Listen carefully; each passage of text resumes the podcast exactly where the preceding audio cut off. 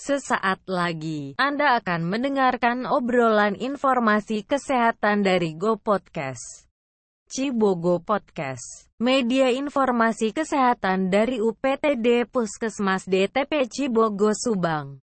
Selamat mendengarkan. Hey yo, what's up people? Cibogo people. Kalian mendengarkan kembali Go Podcast, Cibogo Podcast. Podcastnya UPTD Puskesmas DTP Cibogo. Berbagi informasi bersama aksi. Apa kabarmu hari ini guys? Cibogo people pastinya baik-baik saja dong tentunya. Saya doakan semoga yang sakit segera pulih, yang pulih terus membaik, yang baik semakin sehat, dan yang sehat tetap sehat, damai, sentosa sepanjang masa. Amin, amin paling serius. Nah, dari beberapa episode kemarin, responnya baik sekali. Saya ucapkan terima kasih yang sudah mendengarkan dan memberikan kritik dan saran.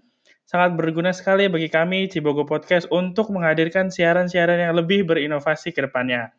Ada beberapa masukan dari sebagian Cibogo People mengenai fasilitas yang belum disebutkan yang ada di UPTD Puskesmas DTP Cibogo. Oleh karena itu, di episode kali ini saya akan mengannouncekan kembali informasi tambahan dari fasilitas di UPTD Puskesmas DTP Cibogo. Yang pertama ada pelayanan khusus TB. Jadi kita punya satu ruangan atau satu poli khusus TB dan pelayanan itu eh, waktu operasionalnya adalah setiap hari Rabu pukul 8 sampai 12. Lokasinya ada di belakang eh, laboratorium, jadi di depan UGD.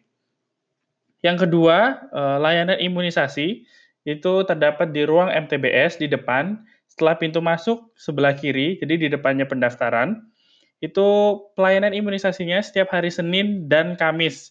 Kemudian kita juga ada e, farmasi atau apotek, tapi hanya melayani e, obat-obat dari pemeriksaan di Puskesmas Cibogo, jadi tidak melayani untuk penjualan di luar. Kemudian yang keempat, kita juga ada PONET, e, akronim dari pelayanan obstetrik neonatal emergency dasar. Dan itu sama seperti UGD beroperasi atau memberikan layanan selama 24 jam untuk ibu hamil dan ibu yang akan melahirkan. Sesuai dengan judulnya episode kali ini, COVID-19 bagian 2. Jadi masih ada hubungannya dengan COVID-19, Coronavirus Disease 2019 uh, saya akan menyampaikan beberapa update kasus per 19 Maret 2020. Kebetulan, episode kali ini rekamannya tanggal 19 Maret 2020. Uh, di seluruh dunia yang terdampak itu ada 152 negara dengan total yang meninggal itu 7.905 dan yang sembuh adalah 80.800 40. Lima negara tertinggi uh, dengan jumlah kasus terbanyak adalah Cina dengan kasus 80.984, kemudian nomor 2 Italia dengan jumlah kasus 21.157, nomor 3 ada negara Iran dengan kasus 12.729, kemudian South Korea Korea Selatan dengan jumlah kasus 8.086, dan urutan kelima uh, ada Spanyol di jumlah kasus 6.391. Nah, untuk Indonesia sendiri per 19 Maret 2020 yang positif corona ada 309 kasus.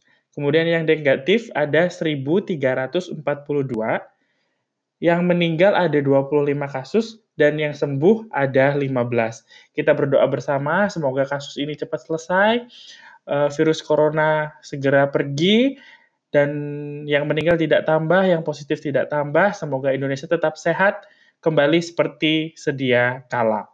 Kembali mengingatkan untuk cipel semuanya, uh, gejala yang timbul atau tanda-tanda yang menunjukkan seseorang itu terkena virus corona yang kemarin memang di bagian pertama sudah saya berikan contoh-contoh gejalanya, tapi ini ada beberapa tambahan.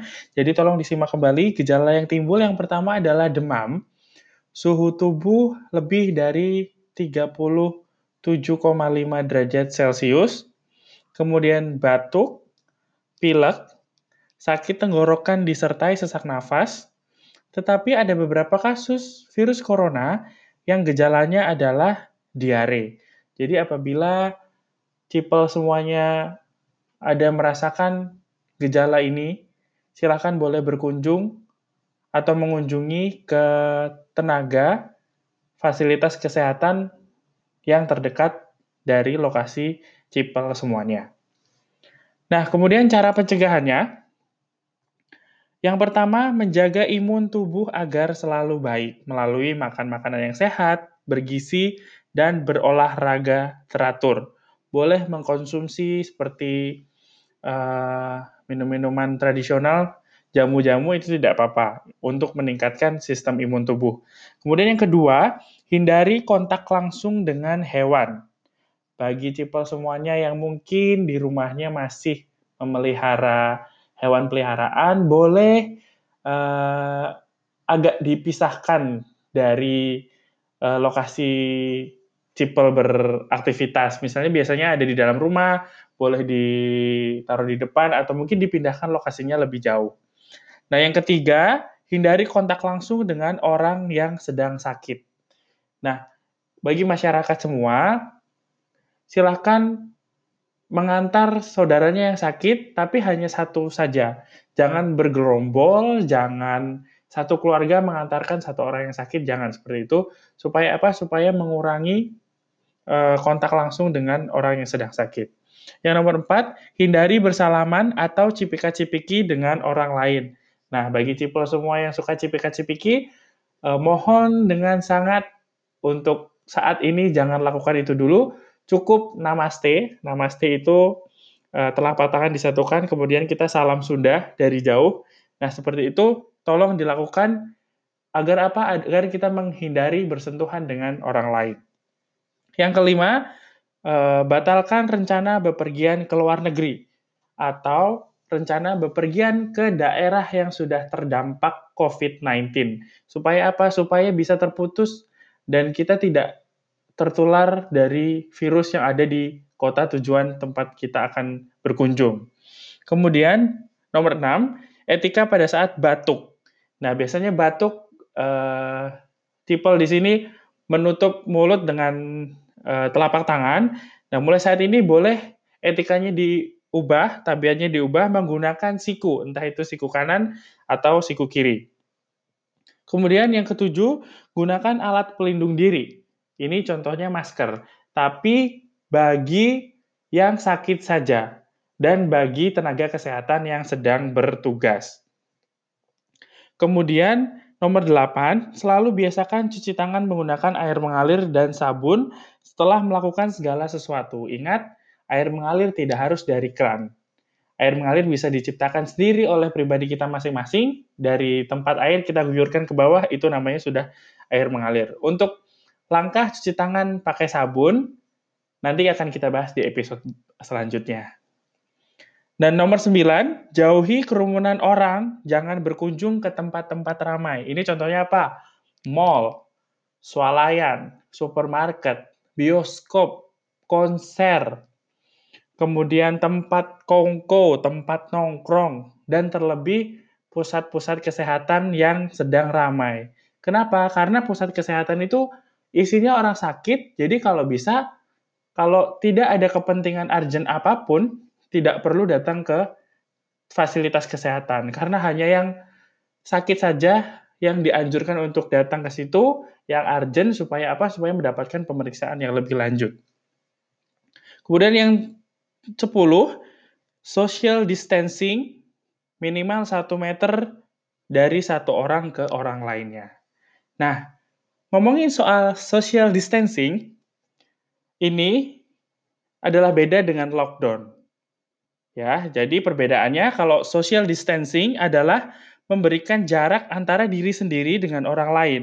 Hal ini dilakukan untuk mencegah penularan penyakit tertentu antar individu. Jadi masih boleh beraktivitas, tetapi berikan jarak minimal 1 meter dari orang lain. Supaya apa? Supaya virus yang berkeli, uh, ada di sekeliling kita ini tidak mudah mengganggu imun tubuh kita masing-masing. Nah, lebih lanjut, masyarakat diimbau untuk tidak berada dalam kerumunan karena bisa menimbulkan kontak dekat yang berpotensi menyebarkan virus secara cepat. Pakar kesehatan pun juga menyatakan saat melakukan social distancing, penting bagi masyarakat untuk memberi jarak minimal 1 meter dengan orang lain. Nah, ini pakar kesehatan aja udah ngomong seperti itu ya, Cipel. Jadi, mohon dengan sangat boleh dipraktekkan di dalam kehidupannya sehari-hari. Sedangkan tadi satu lagi adalah lockdown. Ini secara harafiah, lockdown itu berarti mengunci atau mengisolasi.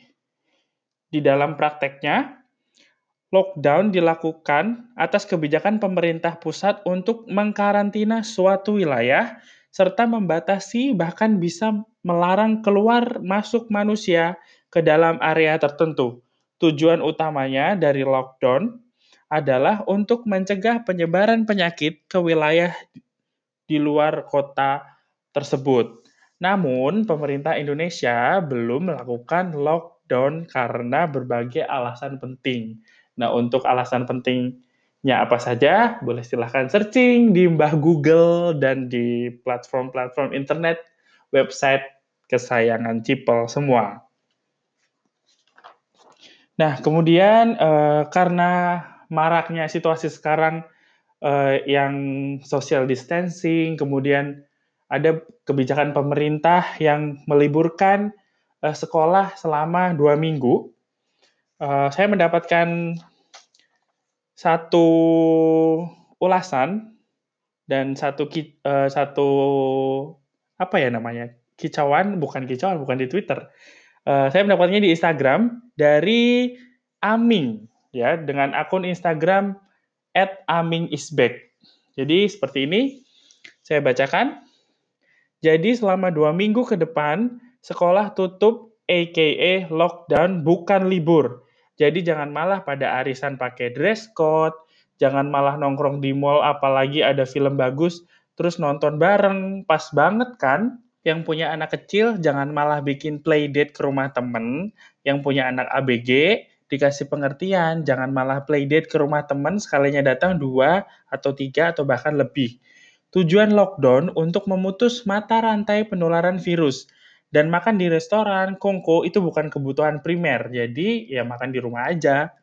Semakin cepat semua sadar akan lockdown, semakin cepat virus akan hilang, semakin cepat kita bisa nongkrong dan kongko lagi seperti dulu.